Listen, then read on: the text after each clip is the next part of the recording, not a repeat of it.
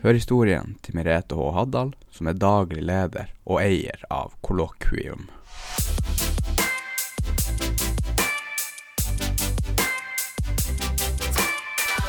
Velkommen hit.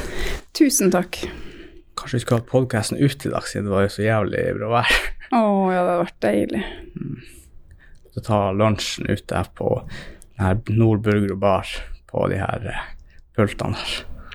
Det er så fint nå. Mm, det er det. Hvordan eh, hvor- Du har jo akkurat flytta inn her på Kunnskapsparken. Ja. Flytta igjen tilbake. Ah, ja, når flytta du ut? Eh, Det var, jeg var her et år i forbindelse med eh, oppstarten av firmaet. Oh, ja. Ja, så jeg hadde sånn kontor her i forbindelse med Orinor. Eller det var det jo Da het det vel ja, Origo. Origo. Stemmer. Mm, Ja, for du hadde mye med dem å gjøre da i oppstartsperioden. hadde det. Ja, dem har vi også brukt mye faktisk i, på vår bedrift. Det har jo vært veldig bra resultat av Eller vi er veldig fornøyd med det de har levert. da. De er veldig flinke å rådgive og komme med kritiske tilbakemeldinger på ideer. og Det er så viktig å ha noen å spare med når du skal på en måte få realisert en drøm.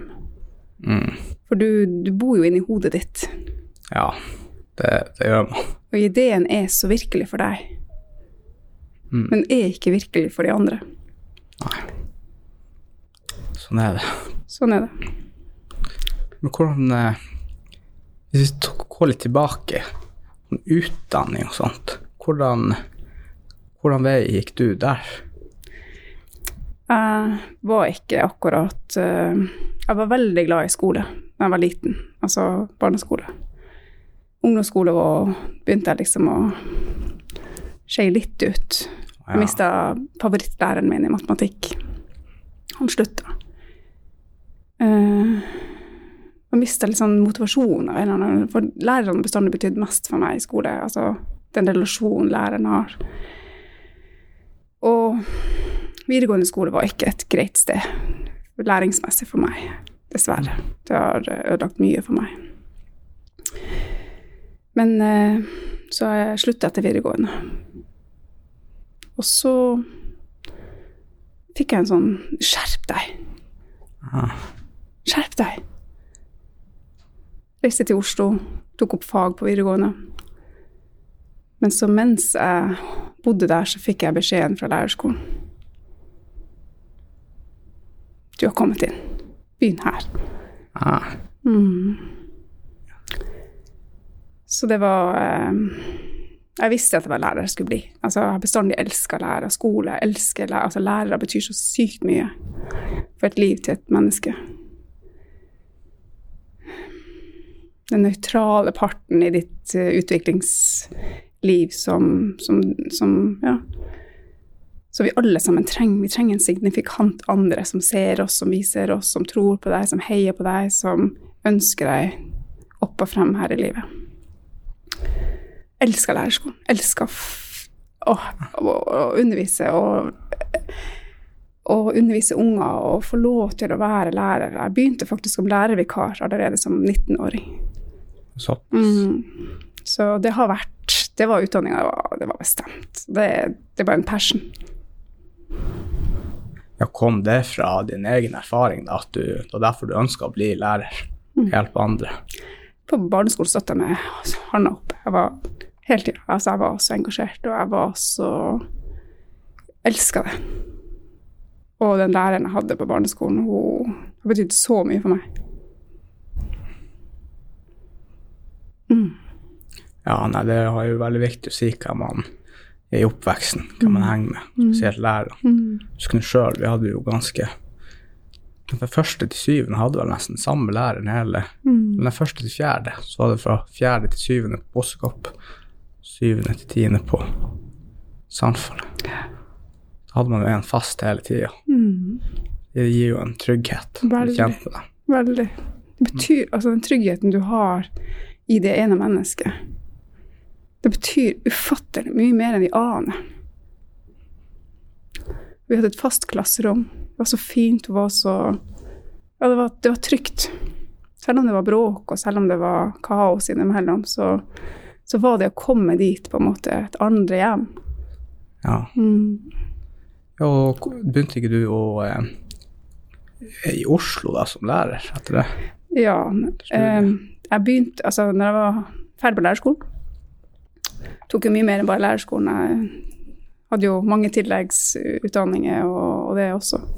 Forska på mobbing, blant annet. Og så jobba jeg som vikar ved siden av hele tida. Hadde masse vikarjobber som lærer i alle de årene.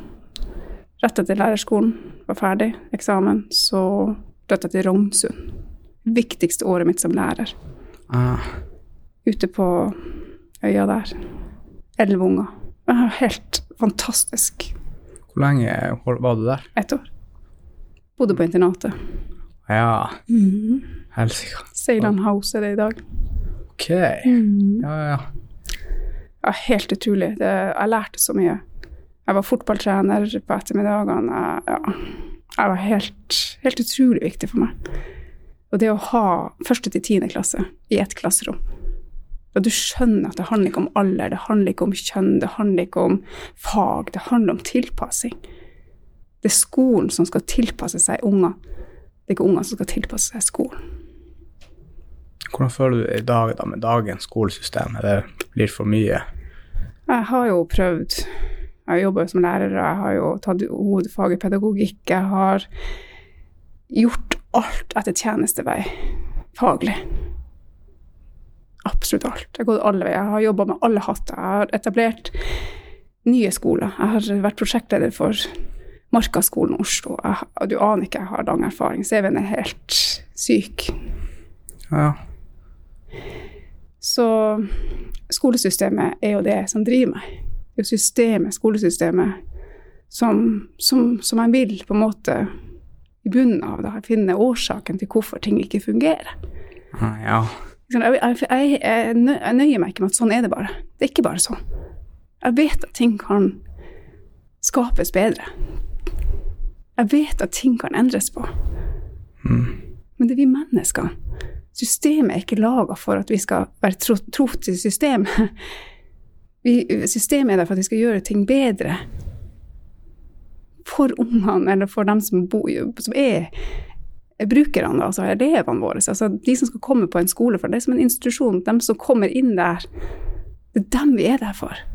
Vi skal bidra helt nøytralt og profesjonelt og kvalitetsmessig for dem som kommer innom det klasserommet, eller den skolen, eller den organisasjonen, eller Altså, jeg tjener det jeg har fått beskjed om å tjene.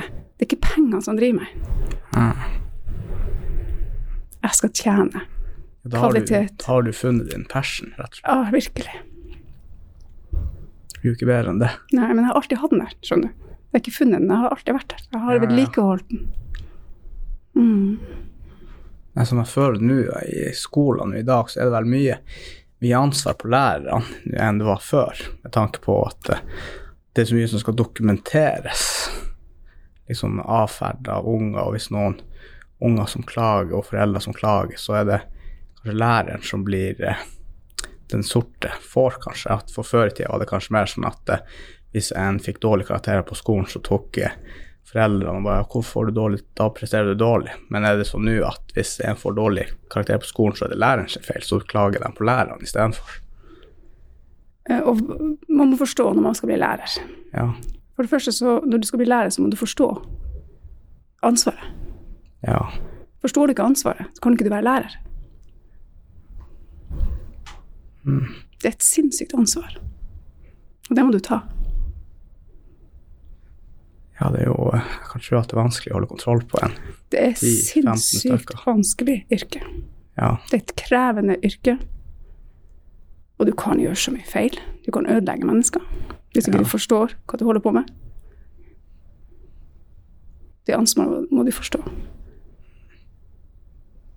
Derfor tok jeg hovedfag i pedagogikk. Derfor forsker jeg på det her med potensialet i det å være menneske. For jeg har opplevd krenkende lærere sjøl. Jeg har blitt ødelagt av lærere sjøl. ja. Ja. Og jeg ville finne årsaken til hvorfor. Hvorfor blir det sånn at mennesker på en måte tillater seg å krenke andre mennesker? Forska på mobbing. Jeg har gjort alt for å finne svar. Det skal ikke være sånn. Noen mennesker skjønner ikke hva de gjør mot andre. Ja, det er sant. Nei, det er mye, mye faenskap som er ute og går i usikkerhet. Mm, veldig. Hvis en lærer er, oppfører seg dårlig mot noen andre, så er det jo kanskje fordi Men tror du de legger merke til det sjøl, da? Kanskje en ubevisst handling? Veldig mye ubevisst. Husk på det at um, sånn cirka-messig sånn 98% av det vi gjør som mennesker, er ubevisst. Vi handler på autopilot, vi handler etter vaner. Uh, vi kan snakke om programmering, men vi er jo litt sånn maskineri, vi også, som mennesker. Vi blir på en måte programmert gjennom miljø og samfunn. Ja. Og da blir det det. Nå med teknologien ikke sant, så kan vi plutselig eksponeres og sammenlignes med hele verden. Og da plutselig blir det veldig veldig, veldig annerledes å være menneske i dag enn det var før teknologien kom. Altså apropos medieveien. Mm. Og, og det er på en måte det folk ikke forstår. Før så på en måte sammenligna ikke vi oss med så mange. Vi forsto ikke. Vi bare trodde at det skulle være sånn. Vi trodde at det var normalt og vanlig å, å gjøre sånn. At det var det som var rett. Plutselig nå så kan vi på en måte eksponeres for andre samfunn og andre mennesker som bare Oi, det fungerer jo i det samfunnet på en helt annen måte. Hvorfor gjør man ikke sånn? Så det å da se at det skal ikke være sånn. Vi skal ikke drive og krenke hverandre i et samfunn. Vi skal ikke drive og slå hverandre i hjel. Vi skal jo samarbeide. Vi skal finne løsningene i lag. Vi skal, vi skal gjøre hverandre gode. Ja. Trenger jo ikke på en måte å fortsette på den måten her. Vi har sett at det fungerer i andre samfunn og, og sånn, så, så vi må åpne opp for å Jeg føler jo også at det er mye press. Eller jeg har jo et eksempel. Jeg flytta jo ned til Trondheim et år for å studere der. mm, Og da når jeg var der i ett år, så var det et, akkurat som et sosialt press som var letta fra skuldrene sine. At da var jeg en helt anonym i en helt ny by, og ingen visste hvem jeg var. mm, Og da kjente jeg at et press var litt, sånn litt letta fra f.eks. Alta, som man ikke kanskje skjønte at man var i når man var her. ikke sant? At man blir veldig påvirka av alt som skjer rundt deg hele tida, mm. faktisk. Ja, det blir jo et lite ekkokammer Ja. å være et lite samfunn. Alle kjenner alle, og Vet om alt og alle. Og...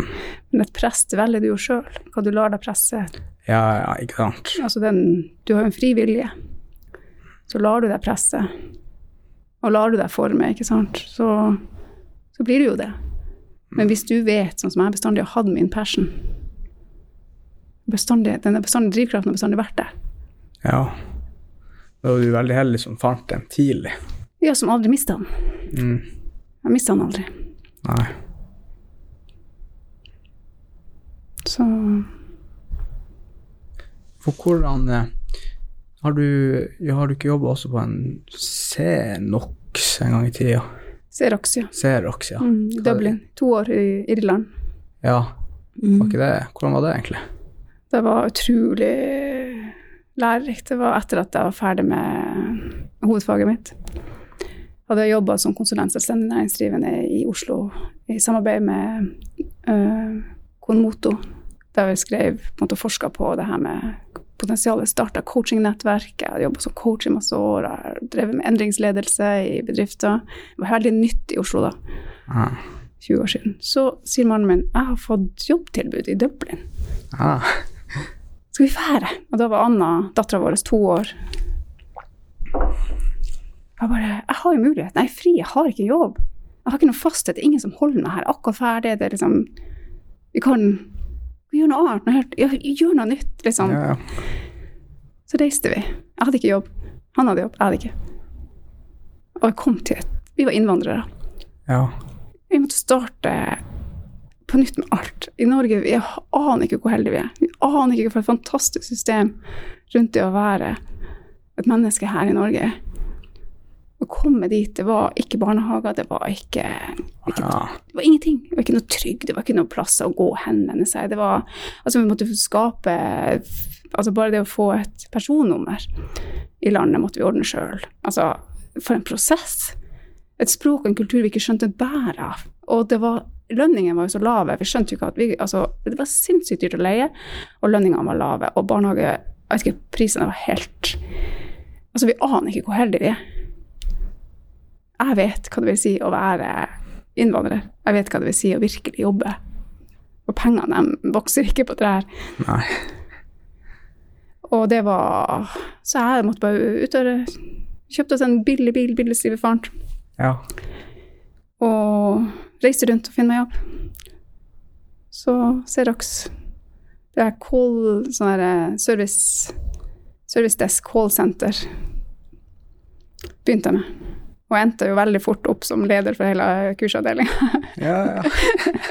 Da har du gjort noe riktig der, da. jeg gjorde mye riktig da. Men jeg var så, jeg var så ydmyk, jeg var så, hadde sånn respekt. Ikke sant? Jeg kommer med ydmykhet og med åpenhet og ikke noe Kunne ingenting og Kunne jo mye, men jeg kunne jo ingenting sånn. liksom. Det var jo Ja, helt I den ny. bransjen. Ja, så vet jeg jo at man må starte på bakken når man kommer som en innvandrer. Så kan du ikke komme og tro at jeg hadde åtte års utdanning. Men jeg vet jo at det er ikke sånn det er at jeg skal komme dit til et annet land og bare få den beste jobben med en gang. Det må jeg gjøre meg fortjent til. Så da var plutselig leder jeg kursavdelinga, eller ja, administrasjonen av den, for 1200 ansatte. På engelsk. Alt Ja. Organiserte teknologisk utdanning for alle ansatte på Xerox. Xerox, er det sånn her, hva er de la? Er det den her printere og Mm, kopi. stemme? Mm. Hvor er egentlig Dublin? Er Irland. Irland. Mm. Det er litt sør for eh, England. Mm, ja. Ja, det er jo Det er helt i høyre der, kanskje. mm, ja. Ja. en øya der ute. Mm. er det Skottland ved siden av, og Nord-Irland og England og ja. Så, Ok, mm. den geografien min er ikke helt på plass. hele Nei, det er ikke min heller. Og det er jo en av grunnene er jo at jeg var ikke, aldri på en måte hadde på en måte det, den læreren som klarte å læ- å lære meg og få meg til å engasjere meg for akkurat det. Så jeg, det er et savn jeg hadde alltid. Det er liksom at jeg ikke har fått noe inspirasjon til å ville vite noe mer om geografi, blant annet. Det hadde mye med lærer å gjøre. Men kanskje ikke du er interessert sånn som meg. Jeg er veldig lite jeg, Det er ikke så veldig, mange ganger jeg er og ser på kart og land og sånt. Hvis jeg, okay, hvis jeg skal en plass, så sjekker jeg på Google Maps, så er jeg egentlig ferdig med det. Mm. Nei, jeg har vært veldig nysgjerrig på alt. Jeg er dødsnysgjerrig på alt. Men eh, når du blir på en måte ledd av Ja. Når du føler deg dum. Ja. Ja. Det er ikke en bra posisjon for læring, det. Ingen. Du kan ikke lære noen ting i det øyeblikket du opplever deg sjøl som dum. Og det her må folk forstå. Spesielt de som har det ansvaret. Man, da må man egentlig bare være mer bevisst på at det du sier rundt unger og yngre, har mye større påvirkningskraft enn det du faktisk tror. Takk.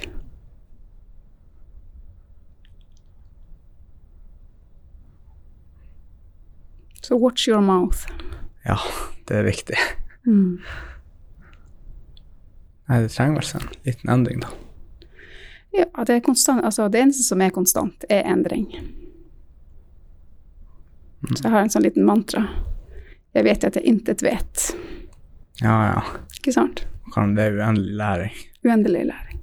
Før i tida kunne man jo lære seg mye av alt, men nå er det så spesialisert på alle felt i verden at det er nesten umulig å lære seg på toppen av noe som helst i dag. Jeg tror det er mulig. Det er veldig mange som har nådd toppen med å virkelig være altså the beautiful mind.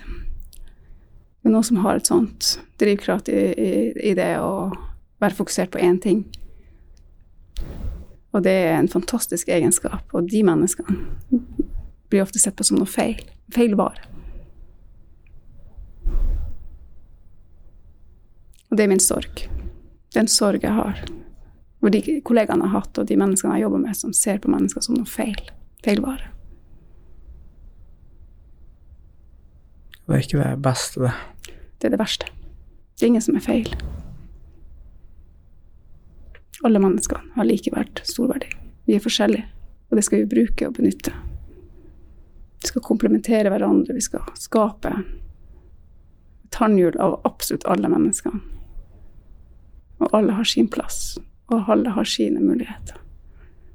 Og alle har sitt potensial. Kan ikke sammenligne noen.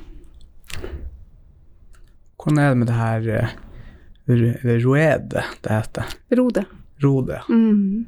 Hvordan eh, du, Er du eh, hva, kursleder der? Mm. Kursleder. Hvordan fungerer det? Det fungerer at jeg er inn i en paraply som heter Rode. Det var opprinnelig Grete Rode, som var hos pappaen sin som lege. Faren hadde enormt mye utfordringer med mennesker med helseutfordringer i forhold til mat og trening og fedme og ja, livsstilsutfordringer. Og hun så jo det her og sa at legene har ikke tid til det her. Vi må hjelpe dem. Så satte hun i gang veiledning på det. Og holdt på siden. Det er vel 50 år siden snart. Ah, ja. Mm. Det er en kjempemerkevare, det er en kvalitetsprodukt. Det er helt rått med forskning og med samarbeid med helse. Og ja, det er så bra. Jeg har akkurat hatt et møte med ti stykker av dem i dag. Ah, ja. Mm. Ti av kurslederne. Vi er jeg har satt i gang et nettverk av oss som trenger hverandre som heiagjeng. For vi er jo selvstendig næringsdrivende kursledere i en fantastisk organisasjon. Og vi trenger bare å heie på hverandre også. ikke sant? Vi blir jo litt ensomme vi også når vi står alene som kursledere. Og jeg er jo i Alta, og dem er, jeg starta for ikke et år siden en gang. Og jeg har ingen her rundt meg som er kollegaene mine. De nærmeste i Tromsø. og snakker med dem av og til. ikke sant? Og så sa jeg at jeg savner egentlig at vi skal bare ha et uformelt nettverk og møtes og snakkes og erfare og dele og heie på hverandre. Og, og så heier de seg på i dag, og er ti stykker på morgenkaffe, da. ja, ja. Mm. Det er viktig det er Veldig. Veldig, ikke sant. Og vi så Og det er så mye kunnskap, det er så mye kloke folk, og det er jo folk som har Altså, de har tatt og ansatt folk som har erfaring. Gjennom erfaringskompetanse, altså mye kompetanse på helse og, og kosthold spesielt. Uh, livsstil og trening. Ikke bare trening i fysisk, men også mentalt. Så det er hele mennesket, da. Og så så mye kunnskap, så mye erfaring og så mye kloke mennesker. Vi sparer jo samfunnet for veldig mye utfordringer med at vi har det type tilbudet i samfunnet. At vi kan hjelpe mennesker til å ta vare på sin egen helse. Så Nei, det er en uh, fantastisk eh, jobb jeg har. Det er jo ved siden av kollokvium, da. Kollokvium er jo på en måte Det er jo Det det er skaff, det er mitt det flaggskipet, ja. Midt under korona så ble det tøft å drive business. Jeg hadde liksom ikke etablert nok kundegrunnlag. Og alle vi er avhengig av å tjene penger. Det er det vi gjør. Jeg leverer tjenester. Og når ikke tjenestene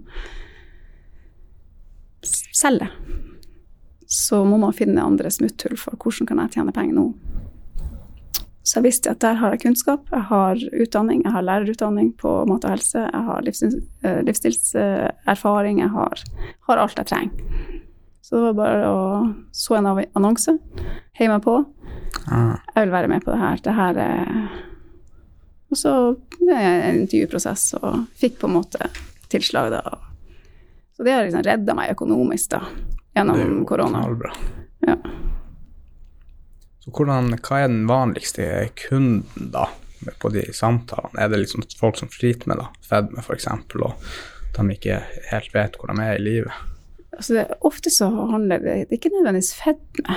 Det er bare Jeg har lyst til å få nye vaner. Jeg tar for enkle valg. Jeg, jeg er ikke bevisst nok på en måte Vanene mine er uvaner. Altså dårlige uvaner.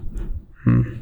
Altså det er ikke rutiner nok, det er ikke bevisst, eller kunnskap eller bevissthet nok rundt måte, hva man sjøl er skyldig i. Som jeg sier, 98% av det vi gjør og det, det vi er programmert som, på en måte er ubevisst. da. Jeg har lyst til å bli bevisst meg sjøl og prate med andre og være i en gruppe. At fantastisk. Jeg har ja, Senest i går så jeg, hadde, jeg har vært kunde i Hammerfest òg. Ja, Ja, ja. Og hun, siste møte med hun ene i Hammerfest, hun bare Det har vært så mye mer enn bare det jeg trodde det var. Ja, men det er jo mye mer enn det du tror det. Det er ikke Du kommer kanskje inn pga. én ting, og så ender det med noe ja, så Det er jo hele deg. Så mange vet ikke egentlig hva de går til egentlig når de kommer, og så skjønner de at oi, det her er jo komplekse meg. Ja, Det er hele komplekse deg. Du er helsa di. Altså, du er, du er, du er deg. Og det er så mye ubevisst, og det er mange gråsoner som ikke vi ser i oss sjøl, som vi får hjelp til andre, gjennom andre til å se. Og det er jo jeg, da. Altså, jeg er jo en heiagjeng for dem. Ja. Så um, en av de andre kurs, en av de mennene jeg har, da, han sa da at tenk at jeg har investert i en heiagjeng, det er helt rått. Jeg kan sende melding til deg hva som helst, og du svarer, og du, du tror på meg. Så ja. Mm. ja, du blir den nøytrale part. Ja, en nøytral part. Hvordan metoder og sånt bruker du når du er Og det er masse Ok. metoder. Vi har et helt metodehefte som er opparbeida og laga gjennom Rode. Da. Så det er jo et system jeg hopper inn i rett et etablert, fantastisk system som de har opparbeida seg gjennom lang erfaring. Og det er masse forskjellige motivasjonsmetoder. Det er mm, tanke til, altså det er SWOT-analyser, skulle jeg si, det er gap-analyser, det er, det er sånn mestringstrapper, og det er alt mulig. Livsstil, altså sirkler, og det er kakestykker, og det er diagrammer, og det er alt. Altså det du kan drømme om av systemer, finnes i Rode. For en sånn SWOT-analyse, Mm. hva, hva innebærer en sånn? Ja, det styrker og svakheter, muligheter? Ja, du kartlegger egentlig bare Ja, hele ja, ja, ja, personligheten ja, ja. Mm, Du analyserer rett og slett dine egne vaner. Og så finner du ut at oi, det her er kanskje ikke Og da har vi jo app i tillegg, ikke sant. Så Vi registrerer alltid en app. Ja, så det er en egen sånn her Egen Rode-app, ja. Rode. Mm, mm. Ja, da har dere jo veldig god kontroll, da. veldig. Og det er fantastisk. Altså, jeg har ikke ord på en måte hvor bra det var. Jeg visste jo ikke hva jeg gikk til, egentlig. Jeg tenkte på at her er kunnskap, her kan jeg bidra. Mm. For Roede, er det liksom et, et norsk nettverk, eller er det Ja, det er jo Grete? Rode. Det er Ja. hun som opprinnelsen, så det er etternavnet hennes, egentlig. Så hun starta det. Hun er en kjent eh, ja, matvare... Eller sånn helsecoach, da. Mm. Ja. Men hun er død, da, så dattera hennes tok over, men så har hun solgt det til konsernet Aller. Okay. Mm. Så nå er det Aller-konsernet som er som på en måte aksjestyreleder. Mhm. Så det er veldig, veldig godt etablert i, i samfunnet. Mm. Masse, jeg vet ikke om det er 160 kursledere. Ja, såpass. Mm. Sånn her næringsveiledning, hva, hva anbefaler egentlig folk å, å spise, egentlig, eller? Å, du må sånn.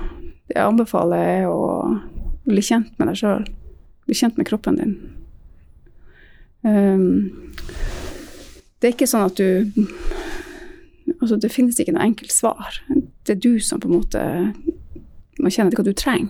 Så dine grunnleggende behov, det er jo egentlig det som er hele grunnlaget for alt vi gjør som mennesker. Det er jo Maslows behovshierarki. ikke sant? For at jeg skal selvrealisere meg, så må jeg kjenne etter hva jeg trenger. Så det å uttrykke sine egne behov Jeg trenger, jeg trenger hvile. Jeg trenger mat, jeg trenger vann, jeg trenger kaffe, jeg trenger altså Jeg trenger altså, jeg, Hvis man trenger, man trenger en uh, big uh, Nei, Hva heter det? Big one-burger. Nei, Det er forskjell One, på det å trenge og det jeg har lyst på. Ja. Det er veldig stor forskjell på det jeg trenger, og det jeg har lyst på. Og det her er på en måte din frie vilje.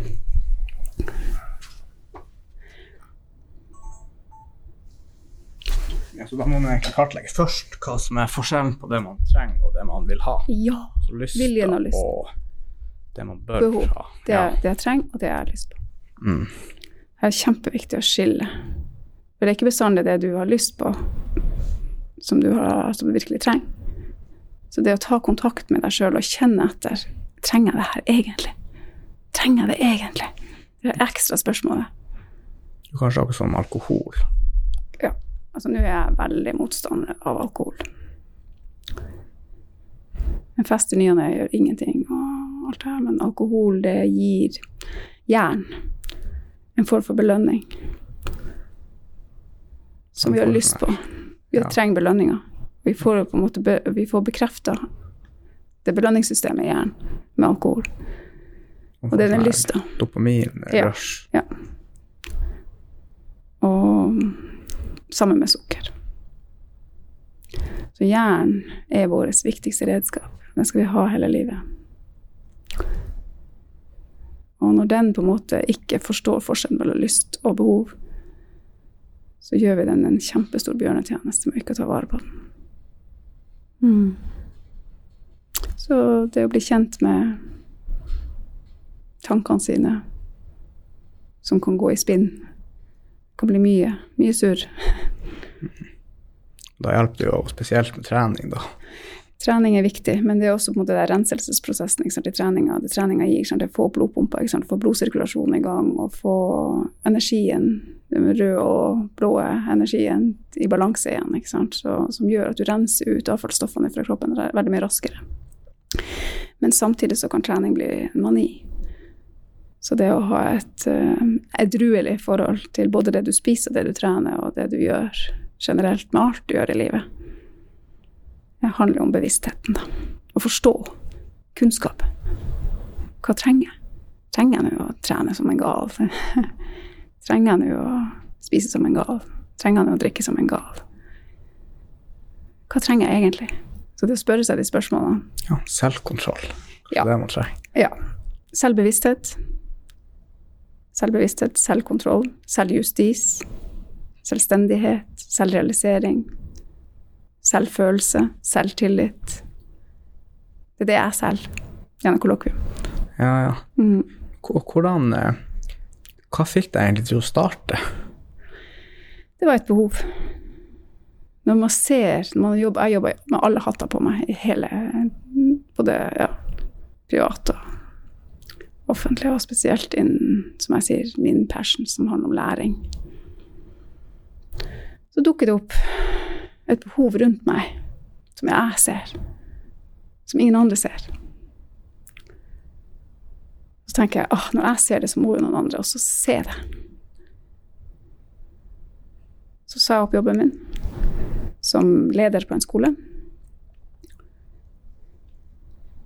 Og tenkte at det er nå. Jeg må ta tak i det. Jeg har ikke noe valg. Det var så sterkt. Det var så Det var bare Det var ikke noe Nå eller aldri. Nei, det var ikke det heller, men det var Ja. viktig. Nå må jeg. Jeg har ikke noe valg. Jeg må. Noen trenger meg der ute. Det er, behov, det er et behov der ute som noen må dekke, og jeg er den rette til å dekke det behovet. Sånn var det. Det var ikke sånn. Jeg skal ikke realisere en drøm. Jeg hadde jo en drømmejobb. Jeg hadde jo jeg tjente jo søkk med penger og hadde fantastisk fritt. Lederjobb på en skole er jo helt perfekt. Fikk jobbe med akkurat de tingene jeg driver med og alt. Gikk til null inntekt på dagen. Jeg var ikke på Nav og spurte om etableringsstøtte. Jeg var ingen plass og spurte etter tigga ingen, ikke nå. Så jeg bare starta. Det her trengs. Det her må jeg gjøre. Og jeg gjorde det. Fikk ingenting fra noe. Bar bakke. Fullstendig alene og ensom. Mm. Virkelig troa. Jeg må jo gå ut av komfortsona iblant. Jeg har liksom aldri laga meg en komfortsone. Ah, Ja. Jeg er litt sånn rebell der. Ikke rebell heller, jeg er snill, men uredd, kanskje. Jeg tror på, tror på det gode. ja, ja. For nå, det Da går det mye i dialog, egentlig, i samtalene du har. Det er det jeg gjør. Ja. Det er egentlig en, en, eh, ja, en heiagjeng, rett og slett. Ja. En katalysator. Ja. Mm. Så jeg tror bare på sjela. Sjelas gode egenskap som altså, Du er en fri sjel, du er en god sjel, du har på en måte noe i deg. Og hvis det er noe som lugger eller som er vanskelig eller vondt for deg, så er det en årsak til det. Ikke din skyld. Det går an å fikse på det. Alt kan fikses på. Ja, ja. Og jeg, jeg gjør det så enkelt at folk tror ikke på det. Og det Men nei, jeg tror ikke før du får se det, så man må jo skjønne det sjøl. Man må se det sjøl før man merker hva som skjer. De her lappene, Mm. vi tok de bildene, Mm. hva det, hvordan metode var det? Det er en eh, snakkemetode. Det er jo på en måte visuelt, ikke sant. Det visuelle. Noen trenger støtte, visuell støtte. Det vet man også fra skolelivet sitt. Ikke? Noen lærer med å se, noen lærer med å gjøre, noen lærer med å høre, noen lærer med å Så det var bare tilfeldig, bare for å få litt farger i tilværelsen. Så er det mange som syns det er vanskelig å snakke. Veldig mange syns det er utfordrende å snakke, selv om man er menneske. Så tro det eller ei, så er det veldig mange som har utfordringer med å prate med å åpne seg og med å, med å dele og med å sette ord på ting. Veldig mange har utfordringer med det. Og det er så tabubelagt. For vi er jo mennesker, det er en selvfølge at vi skal snakke lett, at vi skal dele, at vi skal kommunisere. Og kommunikasjon er, er ikke bare bare. For du blir ledd av, du blir krenka, du blir latterliggjort, du blir, hvis du sier noe dumt, ikke sant, så stopper du, du stopper å prate. Du stopper å formidle, du stopper å by på deg sjøl. Han blir mer innelukka og reservert. Selvfølgelig, det er jo en helt naturlig konsekvens av at andre gjør narr av deg. Hvordan kan man over, overkomme det? Nei, det er jo det jeg selv, da. Ja. Selvbevissthet. Selvstendighet. Selvrealiseringa. Selvjustis. Selvtilliten. Selvfølelsen. Selv. Det å gå inn i seg sjøl og ta tak i sine egne Du kan ikke skylde på noen andre. Det er ikke noen andre sin skyld. Det er ikke noen andre å skylde på. Du har deg selv å takke, du har deg selv å skylde. ja. Mm, så, så hvis man skjønner det, på en måte, at det er så lett å gi pekefingeren at det er din skyld, eller du fikk meg til, og det du gjør, gjør meg mm, Ja. Men hadde alle gått inn i seg sjøl og virkelig tatt tak i seg sjøl, så hadde ikke vi hatt noen utfordringer. Ja, Hvis man ser på det som at alt, alt egentlig din egen feil, da får du jo så mye mer kontroll over fremtida på en måte. For da har ikke du en utvei. Det er jo så lett å si «Eh, nei, han der fikk meg til å gjøre dette, eller hun der fikk meg til å gjøre datt. Og da er du jo enda på å peke hvem har skyld på det og det er kanskje en feil eh, fremgangsmåte. Ingenting er feil i min verden. Men jeg har jo lært da at uh, vi er jo speil av hverandre. Det er jo pedagogikk, faget mitt. ikke sant? Så hadde ikke jeg hatt det faget i meg da jeg gjorde feil, så hadde jeg ikke hatt grunnlaget av, av pedagogikken, da, altså læringsforståelsen, forståelse av læring, så hadde jeg aldri vært der jeg er i dag. Da hadde jeg vært et helt annet sted. På et forferdelig sted. Hadde jeg trodd på det de sa til meg. Hadde jeg trodd på det alle sammen sier til meg, og alle det, alle, det alle sammen mener om meg. Hadde jeg trodd på dem, hadde hørt på hva de sa om meg, og ikke sett meg fra det sånn som jeg ser meg. Jeg hadde ikke vært et menneske. Jeg tror ikke jeg, jeg, tror ikke jeg hadde levd.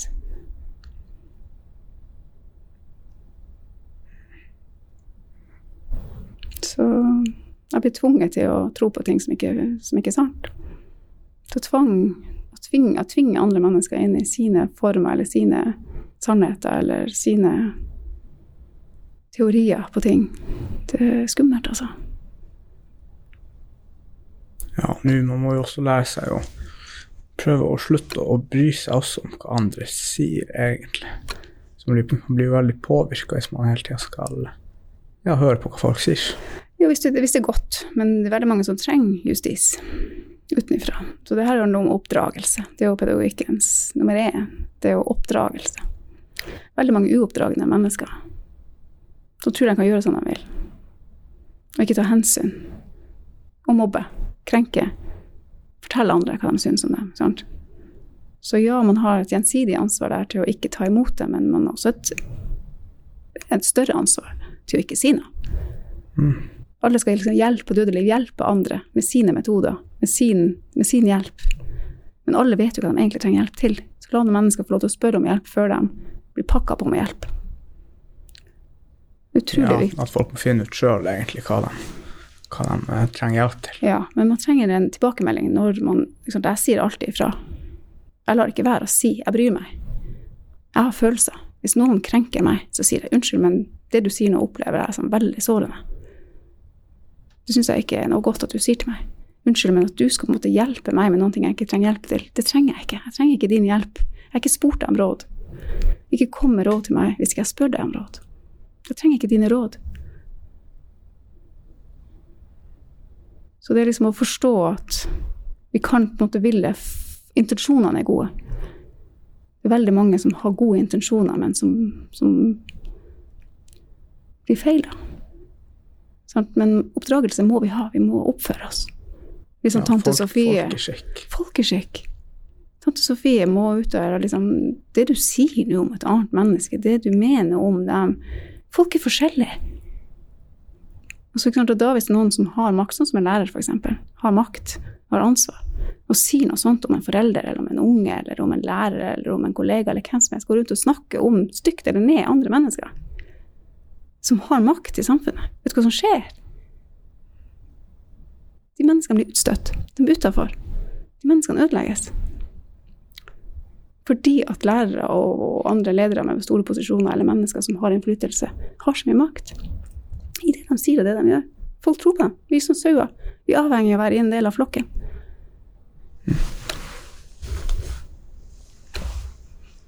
Ja. Vi er jo eh, Mennesker er jo flokkdyr, egentlig. Mm, det er det. Så vi alle sammen trenger å være en del av flokken. Da må man egentlig gjøre det bedre i skolesystemet, egentlig. Få mer fokus på det. Mm, veldig viktig. Og sette krav til foreldre. Hvordan gjør man det? Man må bare Fortelle det. Ja. Fortelle foreldrene at det er dere som setter grensene. Det er dere som må starte med dere sjøl. Hva sier dere om og lærerne, f.eks.? Hva sier dere om medelevene til ungen på skolen? Hvordan uttrykker dere om andre mennesker der ute? Det her hører jo poden din. De tror det skal være sånn, tror det er greit. Og fortsetter selvfølgelig, for han har lært det hjemme. Eller hun.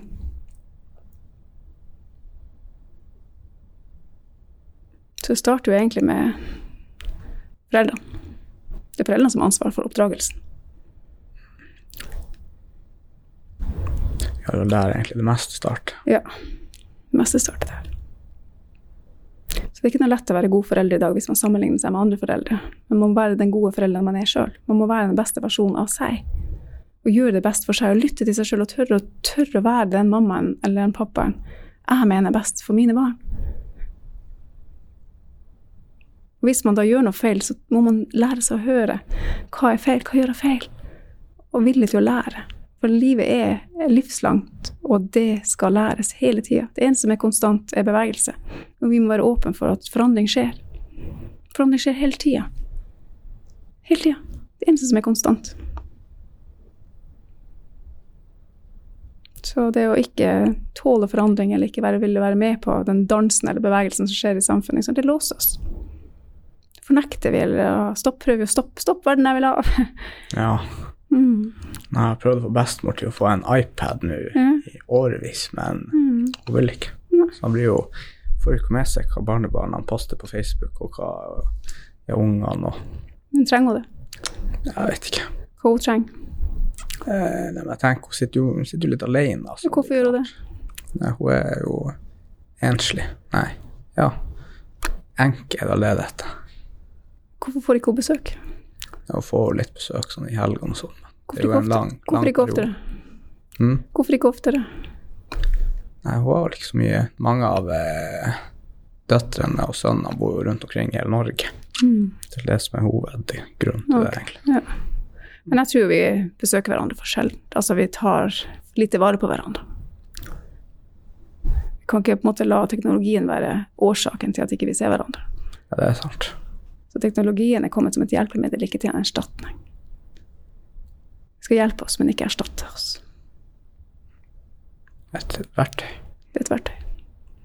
Vi må snakke med hverandre, vi må møte hverandre, vi må se hverandre i øynene. Vi må komme. Besøk bestemor. Ja, ja. Det er lurt. Det er lurt.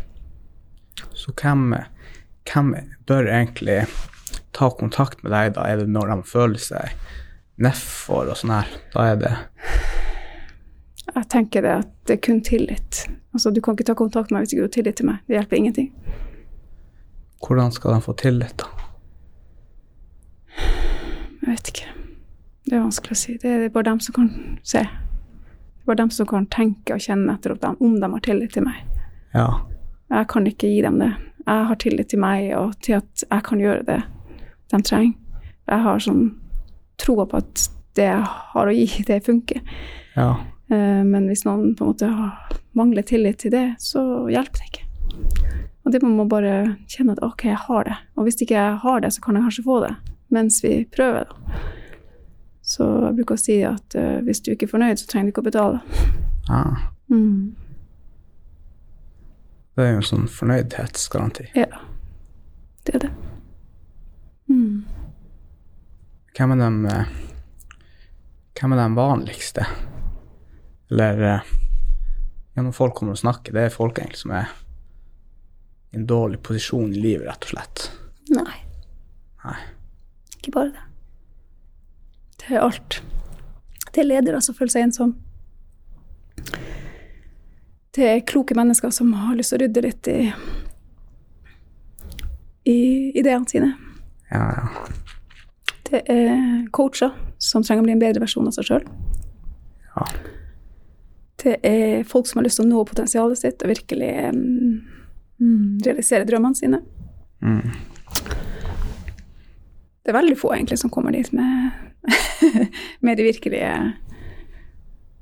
Men uh, de må Det er vanskelig å si hva det er til alt. Jeg syns det er så taushetsbelagt, så jeg husker jo nesten ikke dem heller. Så jeg blir litt sånn svarskyldig når du snakker. Jeg kjenner at jeg får nesten sånn klump i halsen fordi at Jeg husker dem nesten ikke. Aha. For jeg er så nøytral, skjønner du. Jeg er så nøytral når jeg kommer til meg, så er tilliten det viktigste. ikke sant? At jeg glemmer det. Jeg, ikke, jeg husker ikke hva vi snakker om, jeg husker ikke hva det, Jeg skal ikke det. En katalysator. For dem Jeg er der som deres Jeg vet ikke hva jeg skal si. Du blir, blir bare Du er i nuet og Virkelig. Du bruker alt energien. Ja, jeg bruker så mye energi på dem. Herregud, det er ingen som aner hvor mye kreft jeg bruker på et samtale. Og det var, man visste det, så tror jeg man hadde satt mer pris på det. Mm. Egentlig litt umenneskelig. Ja. Ja. Mm. Hvordan eh, Hva du gjør på fritida, da? Og jeg lever jo i nuet, da.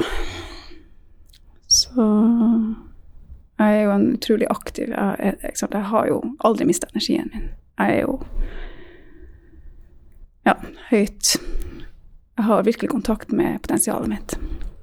Så jeg har mye energi. Og den tar jeg vare på. Så naturen er viktig for meg. Ekstremt viktig. Så jeg er mye ute i hver dag Ja. enten tur eller trene eller gjorde meg, altså et eller annet. Om så det er bare å gå på gresset, eller om det er å måke sne, eller om det er å Jeg bruker bevisst en rutine. Minst en halvtime om dagen. Det er jo veldig bra. Det må, altså det er kjempeviktig for å rense eh, tanker og lufte hodet og kropp og sjel og alt og få Så jeg er mye på tur. Eh, Så jeg trener mye yoga og aktivitet, altså sånn type indre stillhet, meditasjon, yoga, styrketrening, indre styrketrening. Så jeg jo trener mye, altså fokus på trening. Ikke den her um, Jeg jogger mye og får opp pulsen ofte, men ikke hver dag. Jeg gjør det så ofte i jobbsammenheng. Får pulsen i jobbsammenheng. Uh, spiller golf. Mye på skuterturer og skiturer på vinteren. Eh, hytte har vi. Vi jobber mye med, vi pusser opp et gammelt hus, og det er jo stort hus, som ja. vi driver og pusser mye på. Så det er ofte det, er- Når man ikke har penger, så må man jo bruke egen arbeidskraft. Så det går mye tid og energi til å gjøre det sjøl. Og det, det tar tid, og det Få ja. Så jeg er veldig kreativ. Altså jeg er veldig kreativ. Strukturert og kreativ, så jeg har en balanse mellom struktur og kreativitet. Så, så driver jeg eget firma, husk på det. Jeg fører regnskapet sjøl, jeg selger og markedsfører sjøl. Alt gjør sjøl. Alt en stor organisasjon gjør, må jeg gjøre. Alt de samme tingene må jeg også gjøre sjøl. Jeg jobber jo 24-7, og ringer det noen klokka 11 på lørdagskvelden, så tar jeg den samtalen òg. Mm. Så jeg har jo aldri stengt Tilgjengelig tilgjengelig. Så jeg er en aktiv person og underviser nå for å tjene mer penger i norsk kveldene. Ja. Tre kvelder i uka underviser jeg. ja. Ni timer til sammen. Fremmedspråklig.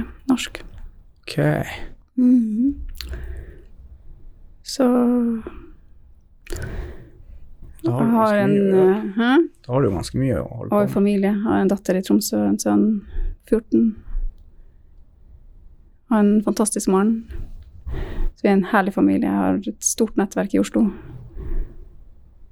Og har en bestemor her, og en mamma og svigerforeldre og en bror og søstre i Kirkenes og Oslo. Jeg har masse nære venner. Jeg er rik. Eh, Som sagt, jeg starter nettverk her og der og har masse samarbeid og driver masse nye prosjekter.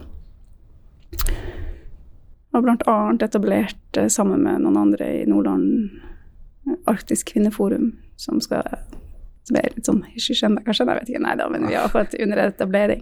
Ja. Mm. Vi skal på en måte ha et sånn kickoff her i Alta i sommer. Mm. Ja. Mm. ja, ja. Det er jo nå i nærsommeren. Ja. Det blir spennende. Mm. Var ikke du mye involvert i det her Kvann-nettverket? Kvann, ja. Ja, Mm, ja det. for det er sånn her eh, kvinnelig nettverk Mm. for eh, entreprenører, eller Mm. Ja, for ledere. Ja, leder. Kvinnelige ledere. Kun Ja. ledere. Mm. Så det er et veldig fint nettverk å ha, virkelig. Så, så jeg håper at de kan komme på denne kickoffen her i Alta, blant annet. For det er jo for kvinner. Mm. Ah, ja, ja. Mm. Så eh, ja. Artig. Jeg er jo full av energi, som sagt, så jeg har jo mye Og når jeg gjør det jeg elsker, så tappes jeg aldri. Så det å finne, finne den gnisten i seg, finne den gløden i seg som aldri slukner, den har jeg klart å bevare. ja, ja. Mm. Så Det er viktig. Men jeg har jo, det har vært teori, altså det har vært kunnskapen jeg har om det å være menneske gjennom forskninga mi, som har gjort meg så bevisst. da. Hadde jeg ikke hatt den kunnskapen og den forskninga og den erfaringa, så hadde jeg jo aldri forstått i praksis hvordan jeg kunne få det til. da. Så, kunnskap er viktig. Og hvis, eh, hvis du kunne gitt deg sjøl et tips som 18-åring med all den kunnskapen du har i dag, Mm. hva ville det vært? Si nei og si stopp.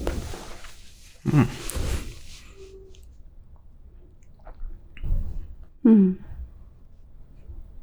Ja, det er egentlig enkelt og greit. Veldig. Mm. Kjenn etter. Så egentlig ikke si ja til, til alt, rett og slett. Si nei. Si stopp. Det er ikke farlig. Respekt. Du respekterer, deg sjøl når du setter grenser for andre. Er det noe du har lyst til å eh, Nå har du promotert litt, eh, litt av det arrangementet som skal være i sommer, men noe annet du ønsker å promotere før vi avslutter? Og så kom innom på en uformell prat. Si hei, stopp. Kanskje der er tillit. Kanskje du Kanskje, du, kanskje det er akkurat det du trenger. Ikke gi opp. Ellers så kan jeg promotere Rode. Det er jo fantastisk merkevare. Du kan ta digitalt. Altså, det fantastisk hjelpemiddel digitalt. Altså, du trenger ikke å bo i Alta. Du Ta det på Teams. Ta det på Teams. Hva andre ting? Ja, det er jo Nå 10. juni skal det være noen sånn næringsdag med Orinor. De er jo et fantastisk altså et utrolig bra gründerkurset de har der. og Det jo virkelig Ja, ja, ja. Etableringskurs. ja. Så det, nå skal det være sånn samling her igjen. Og promotere Alta. Alta for et fantastisk sted. Mediaveien. Følg Medieveien.